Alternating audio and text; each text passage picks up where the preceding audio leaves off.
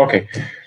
Cenjene gledalke, spoštovani gledalci, prijazno pozdravljeni v kjer izvedbi podcasta, četrti izvedbi podcasta Partners in Dime Barigo. Um, danes ste z mano, Aida in Miro, živijo Aida, živijo Miro. Zdravo, zdravo. Uh, in danes se bomo pogovarjali o najljubši dejavnosti slovencev. Največ denarja imamo v tem nepremičninah, to vsakega zanima, vsak ima neko mnenje o nepremičninah, eh, vsak je tako pa drugače udeležen na tem eh, nepremičninskem trgu. Jaz sem za časne finance to povzel nekako na tak način, da smo slovenci nepremičninski tekuni, skratka imamo ogromno nepremičnin, noben drug eh, nepremičninski naložbeni razred. Nepremičninski razred ni tako razširjen kot, eh, kot ta eh, nepremičnine. In za začetek, morda, ajda, Miro, malo se predstavlja. Zajdo se poznava že, mislim, da 15 let, 15, 28, na NLB so se spoznala, malo povej, kakšna je bila pot. Ja. In kaj počneš? No? Takrat smo se spoznali na investicijskem bančništvu. Ja. Smo analizirali delnice. Mislim, da to je bilo takrat, ko je potem Eh, so veliko, veliko število slovencev veselo vlagalo v balkanske delnice, ja. ali pa še pa zloma. Ja. Um, zdaj, jaz sicer na Balkan nisem šla, ampak me ni sram priznati, da sem se tudi jaz v tistem zlomu opekla, pa marsikaj naučila. Um, vse je delniški trg še zmeram za nekega finančno izobraženega slovenca, se mi zdi še zmeram zanimiv. -huh. Mhm. Ampak ne pa to kot nepremičnine.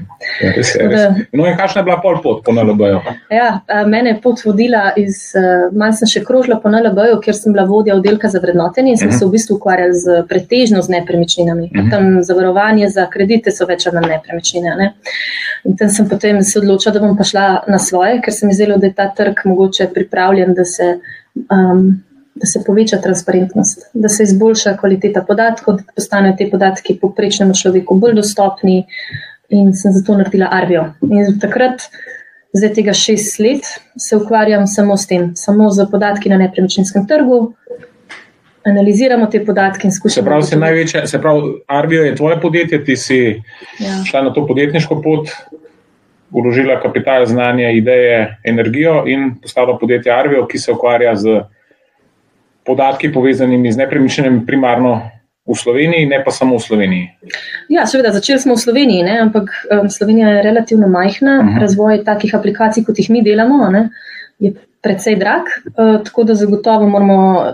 S, temi, s tem znanjem, ki smo ga nakopičili, ne moramo mhm. vstopiti na druge trge. Tako da zdaj gremo, smo vstopili letos na hrvaški trg, pa pripravljamo še par drugih novosti. Tako. Tako da, ja, to je naš fokus. Mi se samo s tem ukvarjamo, nič drugega ne delamo. Ne kupujemo, ne prodajamo nepremičnin, samo podatke obračamo in pač uporabnikom oziroma profesionalnim uporabnikom na trgu nudimo te podatke. Dostopajo lahko do teh podatkov in eh, mogoče še na začetku lahko povemo. Um, ni, to je primarno namenjeno, seveda, za neke profesionalne stranke, ne, ta cel produkt, da, da, da lahko dostopajo do njih, da se lahko vrednotijo neke nepremičninske portfelje. Kaj je za posameznika, recimo, kaj je tista stvar, ki bi bila za posameznika z vidika vaše, vašega produkta zanimiva? Recimo? Ja, treba se zavedati, ne, da vsi podatki, ki jih na trgu dobimo, tudi niso full kvalitetni. Uh -huh. uh, čeprav v Sloveniji imamo dobre podatke, še vse je treba jih znati brati. Tako da mi smo začeli z profesionalnimi uporabniki, smo imeli pa kar nekaj povpraševanj v preteklosti tudi strani fizičnih oseb, ko so se odločali za investicijo, za nakup, za prodajo in jih je malo zanimalo malo več, ne so hoteli kaj opremljivega. Tako da iz tega naslova smo potem razvili en produkt, ki pa je primeren za fizične osebe, se pravi, ne potrebujejo nekega finančnega predznanja ali pa poznavanja podatkov. Um, tako da, če jaz vedno rečem, da nakup nepremičnine ali pa njena prodaja je verjetno največja finančna odločitev povprečnega slovenca. In um, da se to dela na hitro, ali pa za tem, da se malo pozanimaš pri sosedih, um, pa stricih, pa tetah, pa vprašaš za mnenje, ne, se mi zdi, da je pač enostavno narobe. Se je treba informirati, lahko informacije najdeš na spletu, so, spro, so prosto dostopne, večina informacij v Sloveniji, uh mhm. -huh. za tiste, ki pa se s tem noče ukvarjati, ne, pa lahko grejo na našo spletno stran, pa si tam z enostavnim vnosom svoje nepremičnine dobijo, recimo, primerljive prodaje, oglase, kakšne ocene. In tudi neka vrednost pade ven za to nepremičnino. Okay. Se pravi, lahko si vsak slovenc oceni, koliko je ta njegova nepremičnina vredna. Ja. Miro, je tako. Tako je, na par klikov. No, dej povej še malo več, še mal več eh, da, da ne bova sami do zdaj dogovorila, še ti povej, tvoja zgodba, Moje, moje Mogoče malo več povejo o tem. Meni je zelo všeč eh, ta koncept tega vrednotenja nepremičnin. Se pravi, da se vsak slovenc, glede na to, da ima pretežen del premoženja, lahko to oceni, koliko je to njegovo premoženje vredno.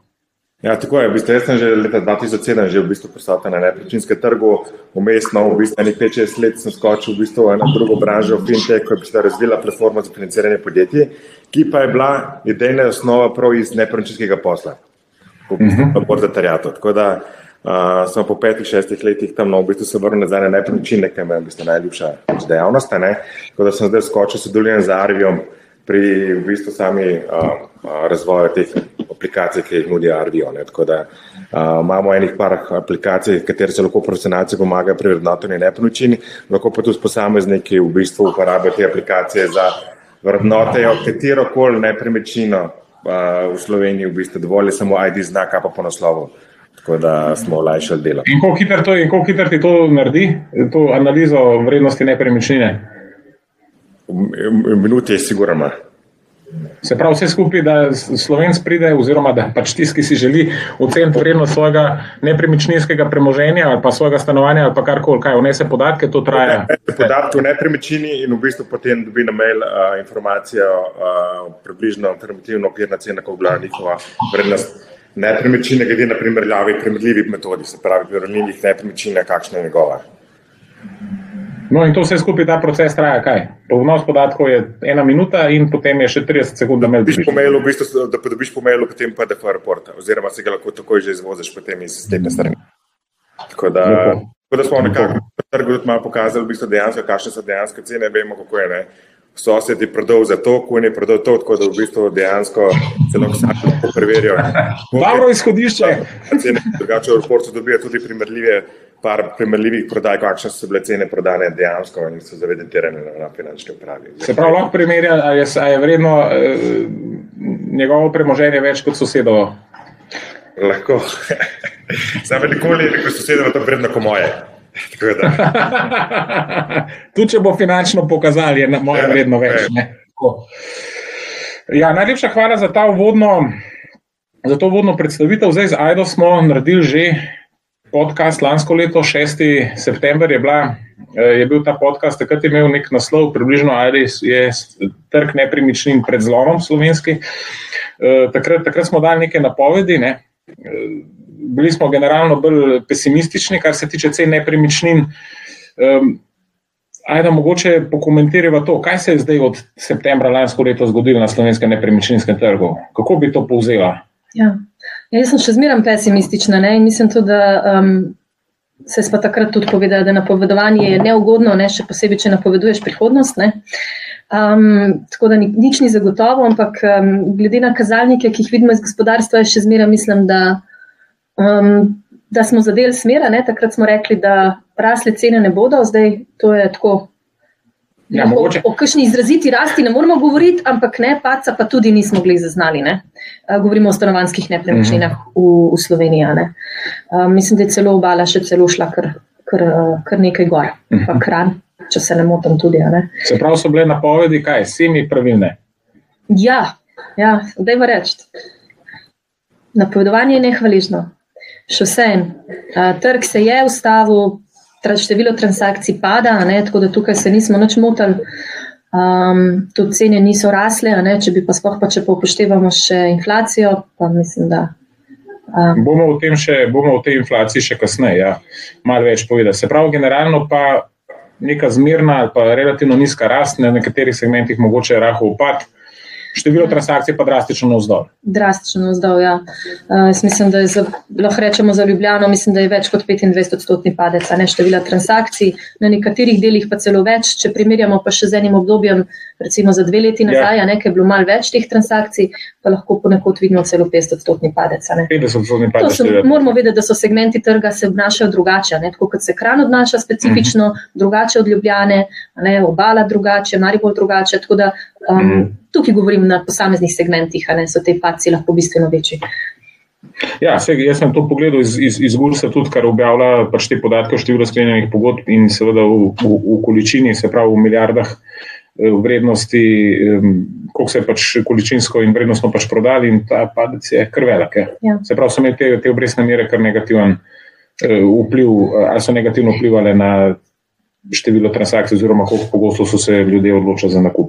Ja, ali so negativno vplivali, ali pa so v obdobju, ko so bile tako nizke fiksne obrestne mere, pozitivno vplivali na to, da je trg še naprej živel, čeprav mogoče nima več neke realne osnove. Zdaj to je težko reči. Mhm. Vsekakor pa vidimo korelacijo. V trenutku, ko so te fiksne obrestne mere niso bile več tako ugodne, je tudi število transakcij takrat ne, začelo drseti. Mhm.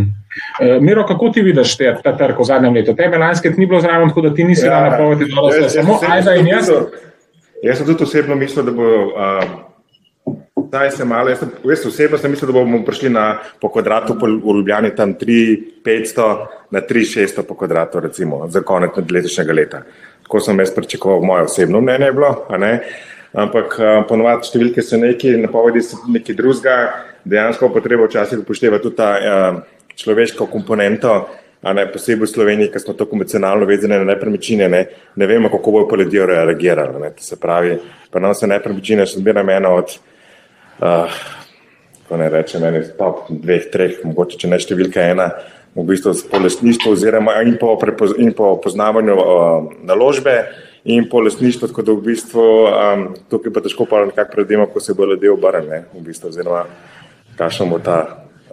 No, ampak eno, eno dobro stvar si dal kot izhodišče. Se pravi, ti si rekel, da, oziroma si pričakoval, da bo kvadrat 3600. Kje smo ja. zdaj, pol? Kje smo danes, oziroma kaj so zadnji podatki, kažejo, pri kakšni vrednosti kvadratnega metra smo v Ljubljani? 3900. 3900. 3900. Ja, ja, za tretji kvartal. V našem, na, ja, 3900 za ta, ta kvartal. Kledar. Kar bogato, a ne? Ja. Uh, se pravi, če nekako povzamemo ta slovenski nepremičninski trg, vsaj kar se tiče zadnjega obdobja, zadnjega leta, upad števila transakcij, minimalna rast ali pa nekje padec. Um, o inflaciji in pač to je nominalna komponenta, kaj je realna komponenta, bomo mogoče še kasneje povedali. Um, Miro, ti si tu dosto ukvarjal z hrvaškim trgom, mislim, ga spremljaš, analiziraš. Kakšno je stanje tam? No, Mal ga, mal ga upiš, nekaj zanimivih statistik sem dal pred tem podkastom. Kakšna je ja, situacija tam? A smo zdaj Slovenci nehali kupovati v Sloveniji, pa kupujemo v Puli? Mislim, smo nehali kupovati v Portorožu, pa kupujemo v Puli.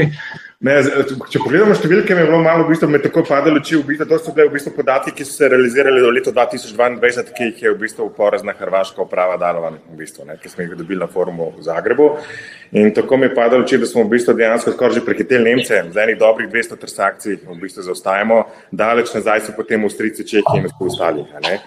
In če malo pogledamo številke, če je to 3000, pa še nekaj broj realizacij, vse verjetnosti je tukaj več, večinski del apartmaji, hiše in parcele. Um, da je to, če pogledamo, je bilo to leto 2022, uh, skoraj mogoče, če rečemo, da je to en trg, tako je drugi trg za slovence po Ljubljani. Ne, v Ljubljani se je prodal. Koliko nepremičnin smo mi kupili dol? Ja, 3200, nekaj nepremičnin je bilo realiziranih poslov leta 2022 na Hrvaškem, v Ljubljani je bilo, recimo, če demo za stanovanja, je bilo po bistvu ja. dobrih crka 2000 stanovanj prodanih v letu 2022 v Ljubljani.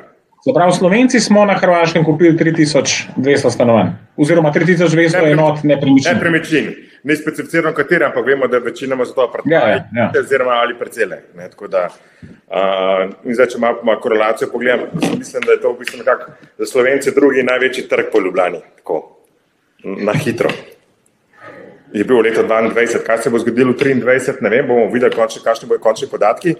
Uh, ampak um, že pa, se je pa pokazal v bistvu upad tujih kupcev ne, za hrvaški mhm. trg. Uh, tako da v bistvu že Nemci je bilo med, med enakom dobjem prvim poletjem 2022, pa med prvim poletjem leta 2023, je bilo že pa 25% manj kupcev bilo Nemcev. Um, Se pravi, rastemo Slovenci, Nemci, ne Slovenci, na dokumentu. Ja, Izrinjamo Nemce. Če bi tudi tako bilo minimalno, recimo 5%, s tem, da v bistvu druge mhm. države so imele dvomestno številko že v par transakcij. Mhm. Tako da na Hrvaškem je bilo pa recimo 37% je bilo nakupo za, so bili kupci, ja, tujci. Pri obali se je verjetno še več.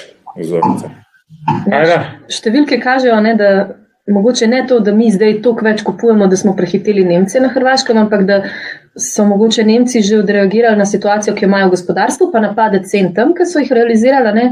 Um, Medtem, ko Slovenci smo še zmeraj v istem zagonu, kot smo bili, ne, ne vem, nekih hudih korekcij. Pri nas, je, dro, pri nas je drugače. Ja, mi smo imuni, Evropi, mi smo imuni na pace, mi samo rastemo to to. Kaj se je pa zgodilo, ajda z cenami nepremičnin na Hrvaškem? Recimo v Sloveniji smo rekli, priti mač neki stagnirali, mogoče malo plusa, malo minusa, ampak eh, kaj je bilo pa na Hrvaškem? Ne? Hrvaška je stopila začetku leta v, v evroobmoče, se pravi, so sprejeli evro. Ja, zdaj ne vem, ali je to razlog ali ne, ampak cene na hrvaškem stanovanjskih nepremičnin pa še zmeraj rastejo. Ne so rasle, sicer se razdej, kot pravijo na statistiki, umirja, ampak še vedno govorimo, ne vem, 15% narasta. Ne? To je tako, po mojem, najviše v Evropi. Jaz mislim, da nisem nikjer zasledila više. No? Uh, na... Se pravi, smo v zadnjem letu na Hrvaškem deležni precejšnje in bistveno više rasti cen nepremičnin ja. kot stanovanjskih nepremičnin kot v Sloveniji. Ja, ja to pa lahko rečemo. Najbolj aktivni slovenci, pa največja rast nepremičnin v Evropi. Ali ni to pol povezano, miro? Ali mi ja. poganjamo cene nepremičnin na Hrvaškem gor? Ja, Hrvaška je zdaj bila zmagovalka Evropske unije, mesec zadnji dve leti, glede na rast cen. Um, kar se tiče severnosti, pa tleh okoličin še enkrat evro, eh, se te zdaj mhm. vplivalo mm -hmm. na njihovo pač, rast cen. Tako da spletu te verjetnosti, pa nekako recimo za tujce, skandinavce, še zmeraj relativno poceni nepremičnine, glede na, na njihove tržišče. No, ampak mogoče imate občutek, kakšna je recimo nivo cen v Zagrebu napram Ljubljani ali pa. Kje se gibljemo, recimo, če te dve glavni mesti primerjamo, ali je zdaj Ljubljana po kvadratu dražja kot je Zagreb, ali je Zagreb že postal dražji? Zagreb, Zagreb je bilo zdaj objavljeno po, po viru Burza nekretnina, na Hrvaške je bilo v Zagrebu poprečno Trenutna poprečna cena je bila 2090 evrov po kvadratnem metru, v Ljubljani pa vemo, da je 3900. Um, se pravi, skoraj polovično, mislim, se pravi, skoraj 50% nižja cena kot v Ljubljani. Rekl si 2090 evrov na kvadrat. Ko je bilo po njihovih podatkih po viru, v bistvu iz njihovih, ki jih pa črpajo v bistvu iz nekretnine. Take so pač podatki po nekretninah. Um, ja. Zanimivo. Se pravi, še potencial, če se bo ta neka konvergenca dogajala med eh, recimo Zagrebom in Ljubljano, v smislu, zdaj so Schengenu, zdaj so v EU, je še prostora za rast pol velika, kako? Um, Vprašaš tisto, ki je želani rekel, da cene ne bodo. Ja, zdaj, zdaj smo na Hrvaškem. Ne, ne se tudi pozna tudi tam upad transakcij, recimo. Ne, ja. Za Zagreb mhm. -huh. sem jih gledal, um, največ transakcij je bilo marca in maja, mesec je bilo okrog. Um, 800 ali 500 pripeljih. Skratka, vidi se pa transakcije tudi v Zagrebu, da zadnje dva, tri meseca, da so kar niže transakcije, tudi po pogovoru z nepremičninskimi agenti, so že izpostavili, v bistvu, da, da so zadnje te dva, tri meseca bila kar malce slabša, glede od poprečja na prejšnjih let. No. Tako da uh, tudi tam se pozna, da se je verjetno, da so prišli nekako do enega maksimuma, kar se tiče cen. No. Zanimivo. Ampak, ko govorimo z hrvaškimi kolegi, ne, ja. z agenti, pravijo, da ne pričakujejo cen, padca cena. Um, mogoče za starejša stanovanja, ja, ki so jih poganjali tudi te novogradnje, ki so zelo rasli, in potem so cene starejših stanovanj tudi šle gor, mogoče tam, da bo neka korekcija, drugače pa da ne pričakujejo, uh, ker pravijo, da ni dosti ponudbe. Dobro, to se mi zdi, da je to nek splošen, generalni, globalni fenomen. Se pravi, da nekako argumentiramo to celo uh, rast cen nepremičnin z temi nekimi demografskimi faktorji, se pravi, poprašanje je enormno, ponudbe ni in zato rastejo. Ne? Ja, če, če pogledamo recimo pa statistične podatke glede izdaje gradbenih dovoljenj, ja. pa recimo pri nas že upadajo, uh mhm. -huh. medtem ko na Hrvaškem mislim, da še rastejo, ne? da so še kvartali še zrastli za njih 10%. V Sloveniji se pa to že obrnilo, se pravi, novih stanovanj bo manj. Ja, pač izdanih gradbenih ja, dovoljenj je bilo manj, zdaj kaj bo realizirano, pa bomo bo pokazal časne. Mm, mm. Uh, mogoče še ne, ker smo pri analizi, pri analizi nekih teh um, sosednjih držav ne, in kaj se dogaja s cenami nepremičnin, jaz sem tudi pogledal. Um, kaj se druge še dogaja. Sej, v tej okoliščini Slovenije smo povedali, Hrvaško smo povedali, se pravi, tam je ena najvišjih ali pa celo najvišja rast v, v Evropi. Um, zdaj Nemčija, ti podatki kažejo, da je od vrha oziroma od lanskega leta nekje, kjer je bil tudi vrh dosežen, se pravi, zelo podobno kot pri nas.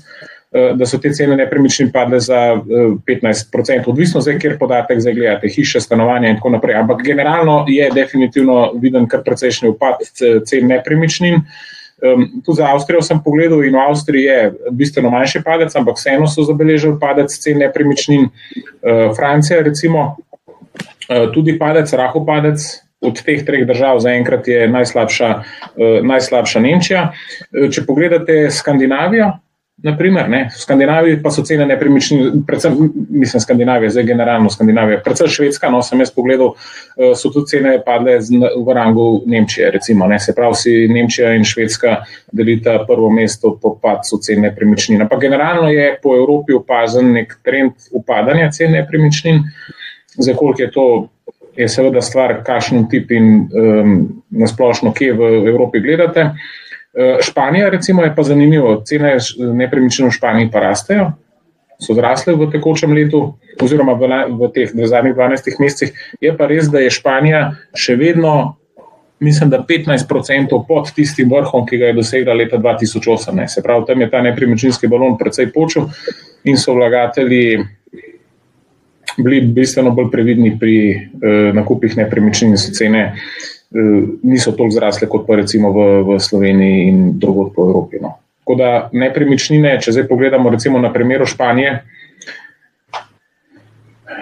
delujejo sicer v Sloveniji, da so izjemno dobra naložba, ne? ampak če zdaj pogledate, če so Španiji kupili 2,8, ste do zdaj eh, minus 15, ne? pa bomo še pol naprej povedali še kaj o inflaciji, ne? še inflacija vam je odnesla nekaj 20%, 25%, kar pomeni, da realno je to kar globok minus. Um, zdaj, če gremo mogoče uh, malo naprej, Miro. Mi smo se pred tem podkastom pogovarjali o novogradnjah v Ljubljani. Ne? Zdaj, Aida je povedala, da gradbena dovoljenja postopno uh, upadajo, oziroma da je izdanih gradbenih dovoljenj manj, kot jih je bilo lansko leto. Zdaj pa kaj se dogaja z novogradnjami, oziroma z vsem tem, kar je napovedano v Ljubljani, da se bo zgradil. Ne?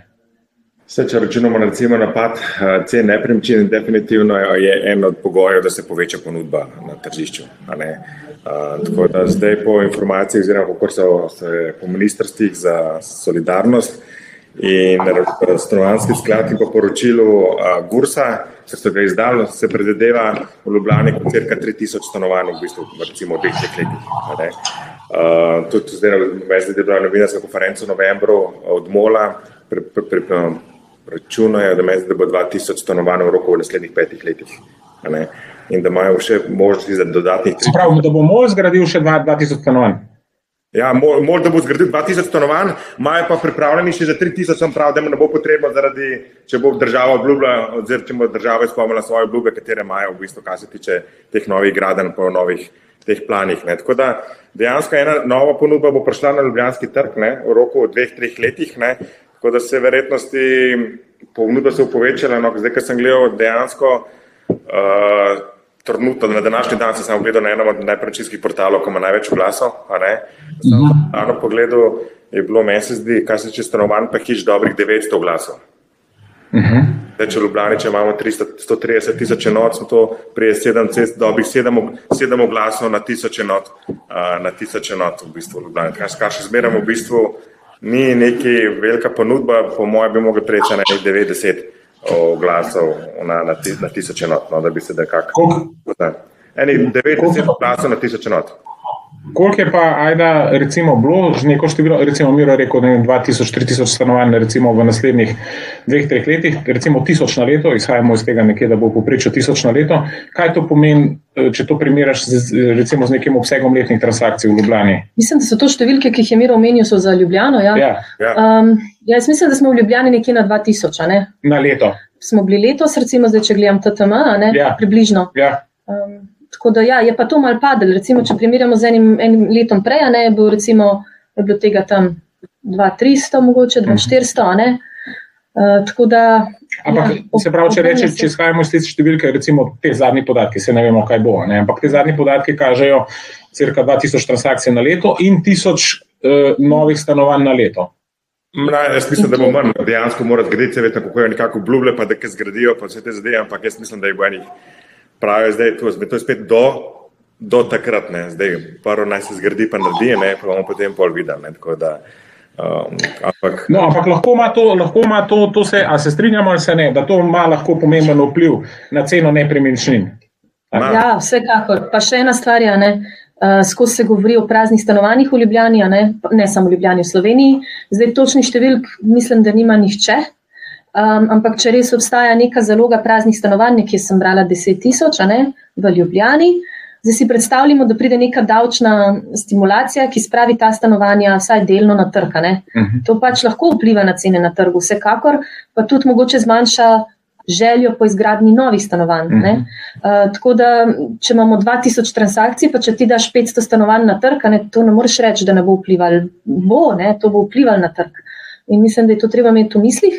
In tudi imeti v mislih, ko načrtuješ. Ne, kaj, eh, sigurno investitorji imajo to pod kontrolo, pa verjetno vejo mogoče boljše številke, kot jih imamo mi, ki so javno dostopne. a ne. Um, če bo zdaj zgradil on svoj blokec za 300 stanovanj, ampak če ve, da bo neka ali davčna politika, ali da se bo spremenila politika do Airbnb-a, pa bo to pognalo stanovanja na trg, kaj bo to pomenilo za, za novo gradnje. Tako da tle imamo en kup enih dejavnikov, ki lahko um, v prihodnem obdobju. Bolj negativno vplivajo. Ja, jaz vidim bolj negativno, ja, kot pa, da bi imela kakšne, ki bi pozitivno vplivali. ja, Mogoče samo skočim, eh, ne, Miro, samo sekundo, da, samo da toliko, toliko povem še. Bo, eh, ravno smo objavili še anketo, drage gledalke in in cenjeni gledalci, lahko tudi vi eh, glasujete o tem, kam se bojo eh, pomaknile eh, cene nepremičnin, um, oziroma ali bi se odločili za nakup stanovanja v Ljubljani eh, pri trenutnih, eh, pri trenutnih cenah in seveda vse, kar se bo še v prihodnem letu zgodilo. Zdaj pa še vajo vprašam. Se pravi, ajde malo povedala, da je malo bolj pesimistična. Miro, ti si bolj optimist, ali ne? Ne, jaz mislim tudi mogoče, da se, verjetno se, da se bo ena ponudba povečala na, na Ljubljanske trge, tudi če se zdaj malo nadvežem naprej, kar smo omenili, kar se tiče politike RMBB, ne, to je zadnje čase dosti govor o tem. Um, relativno z dosti hitrimi ukrepi se lahko to sprosti, oziroma pride zakon, kar se tiče za RMBB, davčna politika olšave. Da sem sam pogledal sam primerjavo, a ne, trenutno je v bistvu v Ljubljani, da če spet dotaknemo Ljubljane, uh, ponudbe za najem, Ja. Hiš, dobrih 330 jih je bilo, na hitro, kar sem pogledal na enem nepremičninskem portalu. ne. Potem sem šel pa za kratkoročen najem na Airbnb. A, Prvo sem pogledal decembr, pa sem bil malo presenečen, zakaj je tako malo, pa sem se spomnil, lučke, turisti, decembr, da se večinoma vse zablokirano. ne. In sem do recimo za tri dni konc januarja je bilo nekaj čez 900 ponudb. To se pravi, krat tri v bistvu je bilo več ponudbe za dolgo. Se pravi, najemniški, dolgoročni najemniški 300, to 900, se pravi, krat 3. Krat tri je v bistvu večja ponudba za, za kratkoročen najem kot uh, za dolgoročen najem. A ne? Ampak moramo vedeti, a ne, da nekdo, ki je dal v dolgoročni na- najem, mogoče je podvojil, pa je dal tudi v kratkoročni najem, hkrati, če ima prazno stanovanje, ne, mogoče ga sproba na trg spraviti. Tako da to, Je lahko, da so e- eni in ista stanovanja. ja, tako da tri je maksimum, ne, količnik med njima. Ampak kaj da zdaj, mora Mirota še do konca to vprašati. Miro, zdaj si se malo izognil temu vprašanju. Ne? Zdaj, a veš, to je posneto, čez eno Ja. leto bomo naredili analizo. Ne? Jaz sem se moral že malo s pepenom posuditi, kar se tiče vrha cen nepremičnin, še ti zdaj povej, kam bojo šle cene nepremičnin, recimo. Dneva, Ljubljana, mogoče. Jaz mislim, da kakšna korelacija bo sigurna, jaz mislim na starih stanovanjih, uh, gradni 60, 70.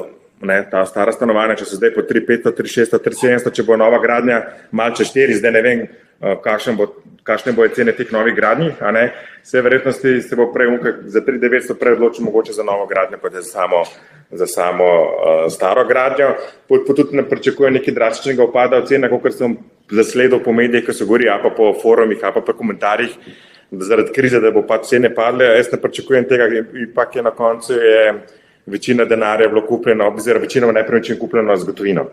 Se pravi, da tudi po neki krizi potrebi, da bi pol mogli vrata nos prodati nepremičnine, ne bo tega, kot se je to zgodilo v oni prvi eh, krizi nepremičninski. No, tako da jaz mislim tam, no, ajde, neke majhne korelacije je bilo, nekega drastičnega upada pa ne. Tako. Smem mogoče? Ja. Statistika, kako je kupljena nepremičnina, pravzaprav ne reče, da je nepremičnina kupljena z gotovino. Ne?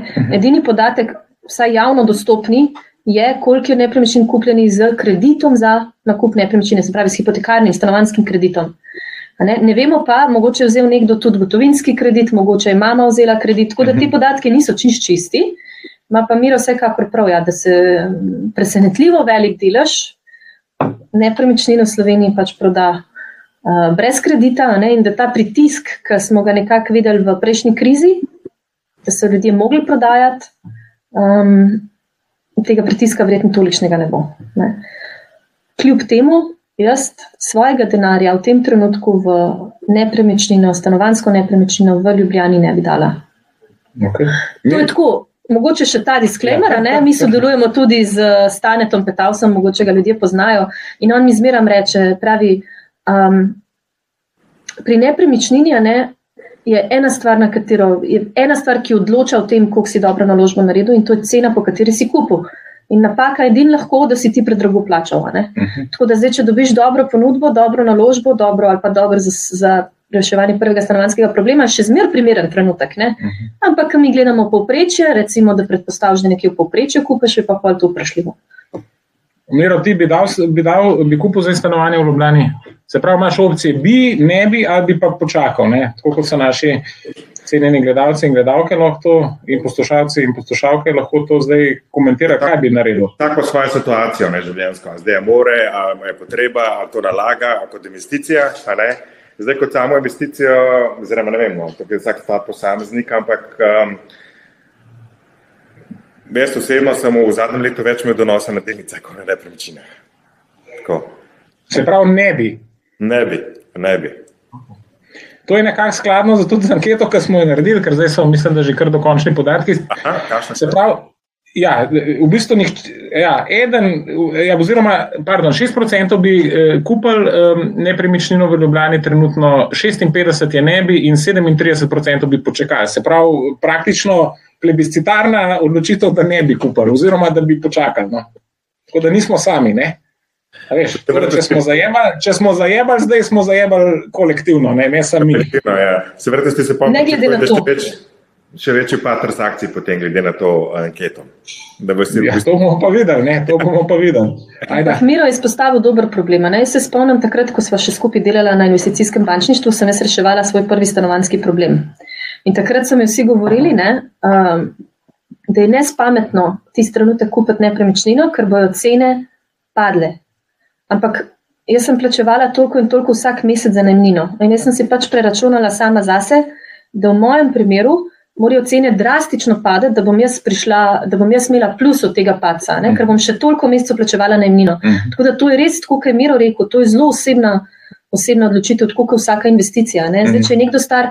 Um, 65 let pa pričakuje, da bo denarja, ki ga je investiral danes, dobival dodatek k penziji, verjetno ne bo kupil Bitcoin ali pa ne vem, ne, ali pa Mm. Ne, bo verjetno kupil nekaj, kar nosi dividendo, kar nosi cash flow že danes. Mm. Um, Medtem, ko če je nekdo star 20, bo pa mogoče kupil Bitcoin. Tako da to je osebno. ne. Zdaj, mi, mi govorimo iz osebne izkušnje. Jaz imam prvi Ja. stanovanski problem rešen. Jaz se zdaj sprašujem, če bi kupila za investicijo in ne bi. Okay. Miro ne bi, jaz ne bi, ajda ne bi. Tako da eh, tudi eh, praktično vsi, ki sodelujo v tem podkastu ne, oziroma v tem eh, webinarju, ne bi. Skratka, ja, plebiscitarna odločitev, da ne bi. Eh, Zdaj, danes sta dobro izhodišče, pa mogoče se še tega dotaknemo. Koliko dejansko ljudi, ali pa kakšen delež ljudi je kupil te nepremičnine v zadnjem letu, ali pa kakšen je ta trend v smislu kredit versus denar. Ne? Koliko je tega dejansko, kako pride z gotovino, z gotovino, v narekovaju z gotovino in kup? Ja, mi to spremljamo sicer na vzorcu, ne? ampak nekako potrjujejo tudi podatki Banke Slovenije. Um, nekje, recimo, če pogledamo v zadnjem kvartalu, je bilo tam 50-50. 50% je bilo hipotekarnega kredita, 50% je bila uh, nek druga vrsta financiranja, ker se pač hipoteka ni zavedla na nepremičnino. Ne? Uh -huh. Uh, Medtem, ko če gledamo daljše obdobje, če gledamo 12 mesecev, pa ta odstotek v prid, rečemo, gotovini, no? da bo enostavno govoriti. Uh -huh. Se pravi, je bilo nekje tam 65%. Stanovanj kupljenih z gotovino. Ja, to je zdaj vzorec na, uh, na Šiški v Ljubljani. Ne?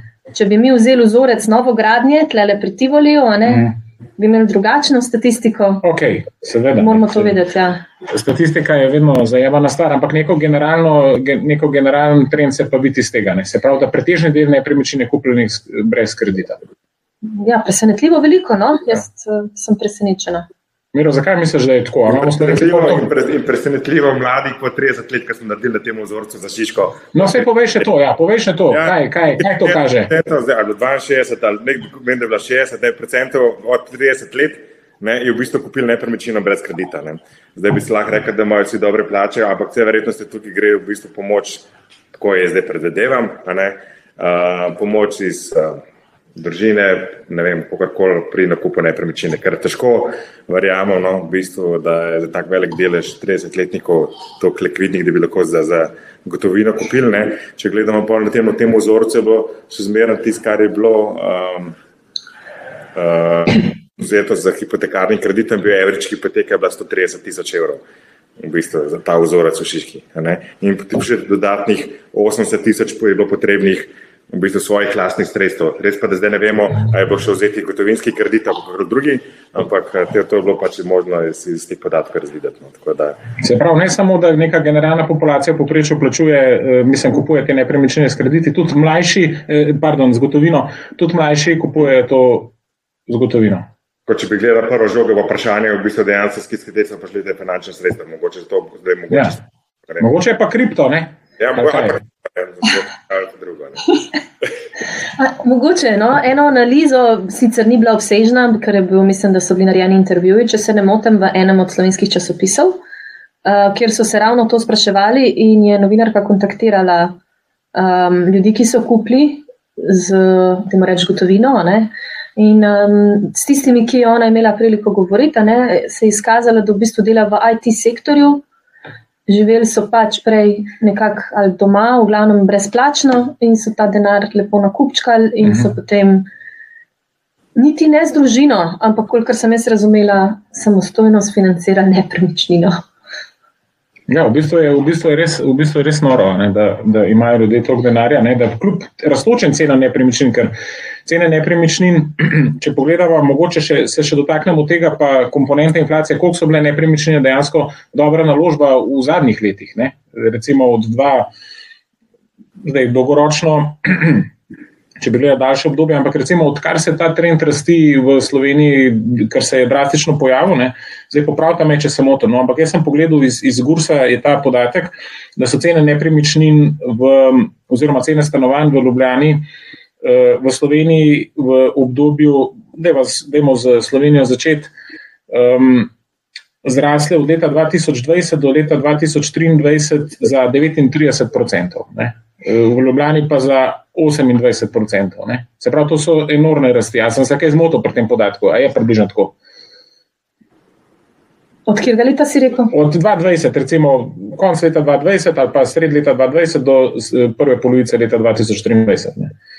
Gurs pravi ja. 39 Slovenija in 28 eh, Ljubljana. Za Ljubljano približno drži, hkrati preverjam številke. No, ja, ja, ja, vse, um, ja, za Slovenijo pa.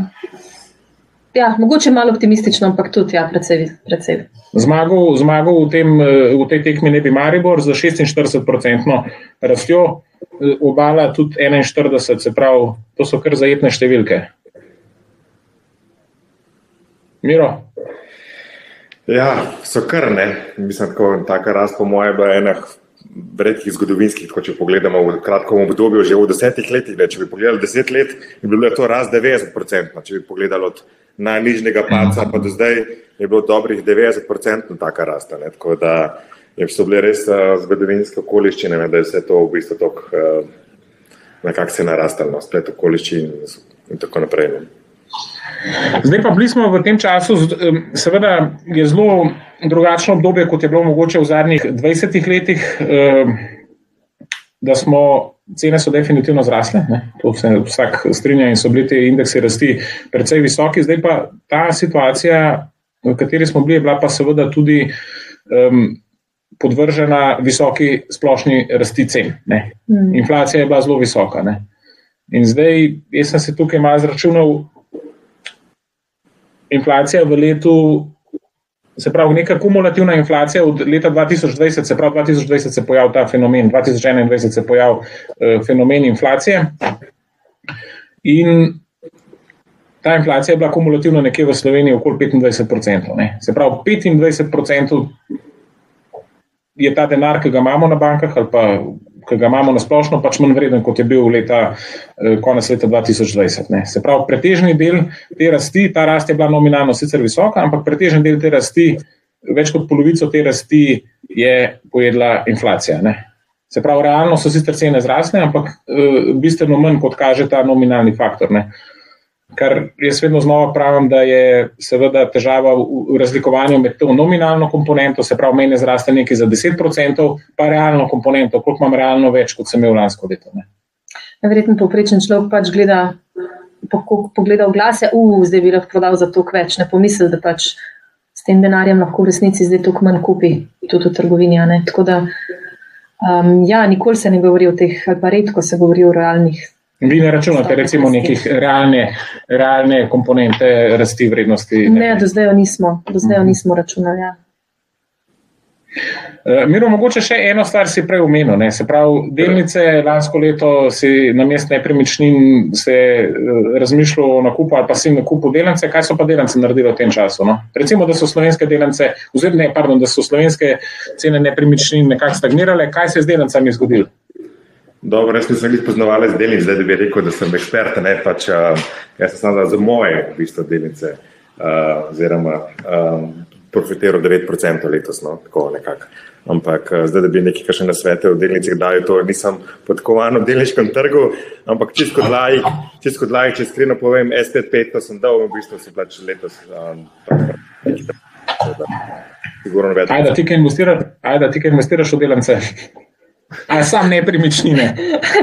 nepremičnine smo že dorekli, da ne. ne? Da, uh, ja, um, mislim, od takrat, ko smo bili na investicijskem bančništvu, so me kolegi in kolegice podočili, da je treba imeti razpršen portfelj. Tako da, ja, um, kot uh, družina imamo razpršen portfelj različnih finančnih inštrumentov, med drugim tudi delnic. Uh, do obveznic pa še nismo prišli. Mhm. Ja. Um, in ja, bolj so reformale, sigurno zelo dobro. Mislim, jaz lahko, jaz lahko, eh, kar miro, izvoli. Kako pa vaša družba? A, misliš, Equinox? Ja. Iskreno bi moral prav pogledati, kakšna je bila ta rast v zadnjem letu. Ampak eh, mi smo izplačali dividendo, tako da mi smo letos, po mojem, zabeležili z, se pravi, rast vrednosti cene delnice. Pa če upoštevaš reinvestirano dividendo, ko smo izplačali, smo po mojem tam na 5-6 odstotkov letos. No. Okay. Um, lansko leto je bila rast večja. Uh, tako da generalno pač v skladu z nekim pričakovanjem, no, nekaj dosti več ali pa dosti manj. No. Nepremičnine načeloma na dolgi rok pač niso niti ne slučajno tako dobra naložba kot delnice same. Uh, jaz sem tudi ta eksperiment, uh, mislim, ta eksperiment naredil. Jaz sem, ceno, jaz sem svoje stanovanje v Sitoli, ki sem ga imel, vse sem tudi javno povedal lansko leto, sredi leta prodal in kupil iz tega naslova delnice, tako da jaz lahko eh, pač eh, dejansko primerjam to, kakšen donos so bile, eh, si lahko naredil iz naslova nepremičnin in kakšen ga se je naredil iz delnice. In delnice so bile bistveno bolj profitabilne naložbe v zadnjem letu kot, kot nepremičnine. Ne. Se pravi, to se jasno kaže, da na dolgi rok vrčevati samo v nepremičninah verjetno ni najbolj oportuno. Plus, da si izpostavljen drugim tveganjem. Ker ponovadi, če kupiš nepremičnino, boš kupil nekje, kjer jo poznaš, kjer je blizu tebe. Kaj če pride do ja. nekega naravnega, mislim, katastrofalnega dogodka, imaš vse premoženje izpostavljeno temu dogodku. Če že pa kupi nek, neko delnico, nek finančni inštrument nekje drugje, no, za nepremičnino, moje osebno mnenje. Ja, seveda. Ne, jaz se vedno vprašam, kaj bi naredil, recimo, američan. Ne, bi američan vse svoje premoženje naložil v Slovenijo, v Ljubljano in kupil, ne vem, stanovanje, kle, ne, verjetno ne bi. Ne. In smo pol iracionalni glede teh nakupov, to je dejstvo. Ne. Zelo iracionalni smo pri nakupih, zato je sigurno dobra ta zadeva, ki vi tudi pač ponujate. Vse meni se zdi, ne, da lahko človek tudi preveri, kakšne vrednosti nepremičnine. Ker doskrat jaz, jaz opažam, da ljudje res kupujejo to s čustvi, ne pa z neko ekonomsko logiko v zadju. Res je. Mislim, jaz zmeram povem, da pač to nam je položeno v zibelko, da slovencema. Najprej štalca, pol pa kravca, pa karijera v kakšni korporaciji. Um, Ampak, če je pri tebi šla zgodba točno tako? Točno tako, jaz, pač, jaz se zmerno čujem iz sebe, jaz sem šolski primer. Najprej šola, pa služba v korporaciji, pa poli treba napredovati, poli treba stanovanje si urediti, poli treba imeti otroke. In jaz sem šla celo tako daleč, da sem še z mačkom, pa pa sem nadaljevala. Ne? In potem se odločila, da ipak to ni to. Mera ti tudi. Uh, brez mačke, pa psa. Da, ampak, Aha, štalca, pa pa kravca. ja, Tako. ampak hočem povedati, ne, ko vidimo, pač, vidimo ta vzorec, da um, posebej ta del ne, Evrope, Slovenija, Hrvaška, ne, uh, rast, večji, ve- velik delež v lasništvu nepremičnin uh, in, in večinoma nedostopen za nakup uh, poprečnemu državljanu. Tako. Kako smo emocionalno vedeni, pač na nepremičnine. Ne, tako, da, tako da bi poznali samo to Ja. obliko financiranja oziroma investiranja. Ja, re- re- res, res smo. Ne? Redko kakšna nacija ima toliko eh, vrednosti premoženja ali pa to premoženje vezanega na nepremičnine, kot ga imamo mi. Ne? V bistvu so vsi drugi naložbeni razredi in delnice, vzajemni skladi, penzijski skladi in vse to pač palčki v primerjavi s tem, koliko denarja je v nepremičninah. Ste vi naredili kakšno oceno, koliko je, koliko je ta fond nepremičninski v Sloveniji? No, recimo, imate ta podatek? Jaz ga nimam. No, s temi številkami se zelo veliko operira. Jaz mislim, da poprečno ceno ni fajn aplicirati na to. Uh -huh. Tako da ne bi, Ne bi, ne bi skušala tega uganti. Ja. Okay. Jaz sem naredil neko oceno takrat, ko sem si izračunal, je bilo okoli 120, če se prav spomnim, med, med 100 in 120 milijardami. To je recimo napram, um, napram depozitom, ki jih imamo 26 milijard, pač petkrat, šestkrat več. Uh, in ja, slovenci smo nepremičninski tekuni, definitivno drži. Pa predlagaš davek na nepremičnine. No, ja, še, evo, bravo, odlično izhodišče. Kaj, eh, kaj, ker se počasi bližamo eh, koncu, eh, še prijazno vabim, da postavite še kakšno vprašanje. Kaj si mislite o davku na nepremičnine? Jaz sem za. Za, proti? za. Ti si za. za. Mislim, če tako povedemo na hitro, ne, ta naš, ne vem, um, ok, razumem, ne prvo nepremičnino, mogoče drugo, tretjo, ne, ali pa kakorkoli, ne, ali pa, ampak če gledamo en poprečen delavec, ne vem, medicinske sestre bo več plačala davka čez plačo dohodnine, kot nekdo, ki ima mogoče milijon evrov v nepremičnini, prek tistega davka na nadomestila, ki so pa smešno nizka. Ne, že, že, že ta razkorak mi je čistko ne, um, malo nerazumljiv. No, tako. Neživljenjski. Ajda. Um, ja, jaz mislim, da bi, bilo, da bi bilo to pametno stališče države. Uh, jaz osebno, seveda, ne bi bila ful srečna, ne? Uh, če bi mi obdavčali tisto hišo, v kateri živim z družino, bolj kot jo zdaj. Čeprav sem si preračunala, da se kje do zame tista številka ne bi spremenila davka, glede na predloge, ki so bili. Uh, mislim, da tle je še en moment, ki pa se meni zdi osebno pomemben in to so tista prazna stanovanja. Ne? Če bi nek davek na nepremičnine, mogoče celo na drugo nepremičnino ali pa na prazno nepremičnino, da bi nekako spodbudili, da to pride v obtok, potem ne bi govorili, da bo zgradili 10 tisoč novih stanovanj, če jih imamo ne vem koliko praznih, ne? pa bi raje, kako reče, brownfield investicije naredili, to predelali, prenovili, pa se to da na trg. Pa bi bilo mogoče tudi stališča okolja ali pa prijaznosti življenja, pravimo, imamo zeleno mesto, da imamo tako ohraniti. a ne. Mislim, pravi, da ne bilo da- to pomembno. No. Ne da, ne da gradimo nov fond, ampak da obstoječega boljše izkoristimo. Če je res, kar pravijo, ne? Ker če, res, če te številke držijo. Ne? Mhm. Mislim, jaz sem,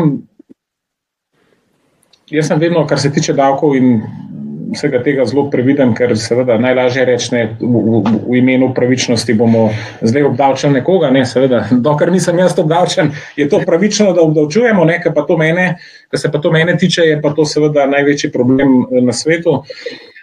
Da jaz sem zelo zadržan do tega, da država pač določi ali pa da politika določi, kdo je zdaj tisti, ki mora plačati in tisti, ki to more prejeti ali kakorkoli, ne, ker je to zelo arbitrarno. Veliko krat se izkaže to arbitrarna odločitev. Ne govorim, da seveda si ljudje ne zaslužijo uh, nekih eh, pomoči in vsega tega, kar iz teh davkov financiramo.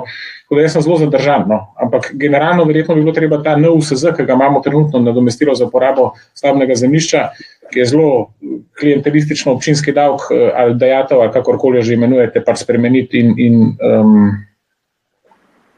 nekaj narediti. Ne. Zdaj pa koliko, pa kaj je pa seveda druga stvar. Ne. Mogoče da govorimo, kako že je imeli obdav, sami obdavčeni, mogoče davčne olajšave, tisti, ki imajo prazno stanovanje, da v bistvu dobijo neko No, sej, a, olajšavo, pa da spravijo stanovanje na trg.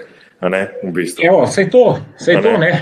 Sej, Ampak sej to. obdavčitev nepremičnine ni edina, ne? imamo davek na dohodek od dodajanja. Ne? Dobro, to je, to, vse se dobro izpostavlja, ajda na začetku, vsej, o, a ne, da podatkov o, o, o najemninah praktično ni v Sloveniji, čeprav bi se morali poročati, ne, ker je to toliko neregulirano ali pa toliko nenadzorovano, da enostavno država ne more do teh podatkov priti. Tako da jaz sem zelo skeptičen, da bi država kaj lahko pobrala, ker je naša volja, voljanost plačila davka v Sloveniji zelo nizka.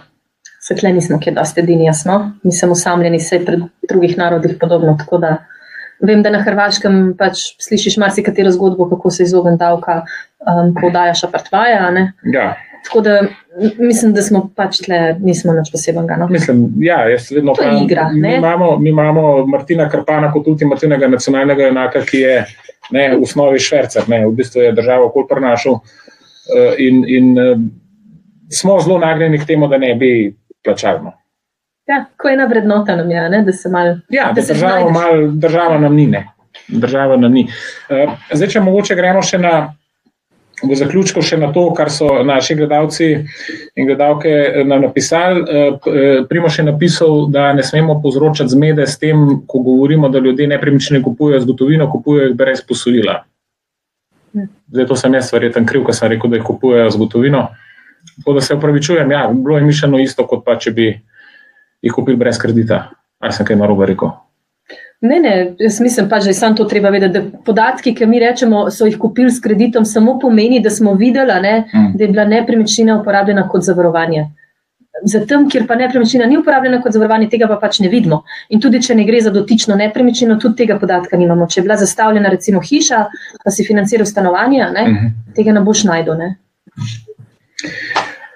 Uh, naslednji komentar, ki smo ga dobili, je: res smo nori na nepremičnine, tudi dejanske številke poprečnega slovenca prepričajo na kup uh, uh, delnic uh, oziroma delniških skladov. Ja, nekako smo to, raj kupimo cego, kot pa delnico Krke. Ne. Uh, zdaj Matija je še vprašal, kako se imenuje aplikacija. Uh, Vajna aplikacija, oziroma tvoja aplikacija, oziroma vajna aplikacija, kje lahko pogledajo. Ne vem, na kaj se nanaša to, Matija. Mogoče lahko poveste še, um, kaj točno vas zanima. Ampak ta aplikacija za to masovno ali pa to institucionalno vrednotenje in ta, da se lahko uh, posameznik sam oceni. Ja, zdaj za profesionalne uporabnike imamo različne aplikacije na platformi Arvio, ampak jaz mislim, da za fizičnega uporabnika je to uh, nekega posameznika, ki se profesionalno ne ukvarja s tem in ne razume tako dobro podatkov, je mogoče to preveč. Če želi bolj podrobno analizo, naj se obrne na nekega agenta ali pa profesionalca. Če pa želi zase neko okvirno za pomoč, za informacijo, Um, potem pa lahko na naši spletni strani najde link, imamo spletno stran oceni vrednost.si in tam pač bo vnesel naslov in podal dodatne podatke v nepremičnine, ki iz javnih evidenc niso dostopni, da bomo videli prenove in tako naprej, pa bo dobil neko oceno nazaj, neko okvirno vrednost, indikativno vrednost. Okay. Kaj lahko še za, za konec rečemo? Miro? No, pa te, ti si dal v headline, kaj kupiti stanovanje v Ljubljani ali Dunaju, zakaj bi se odločil? Kupe delnico Krke. Ne, ne vem. Verjetno raj na Dunaju, ampak eh, generalno pa eh, kupe delnico Krke. Ja. To je bilo malo šali. Ja, najlepša hvala. Ajde. Miro, odlična sogovornika.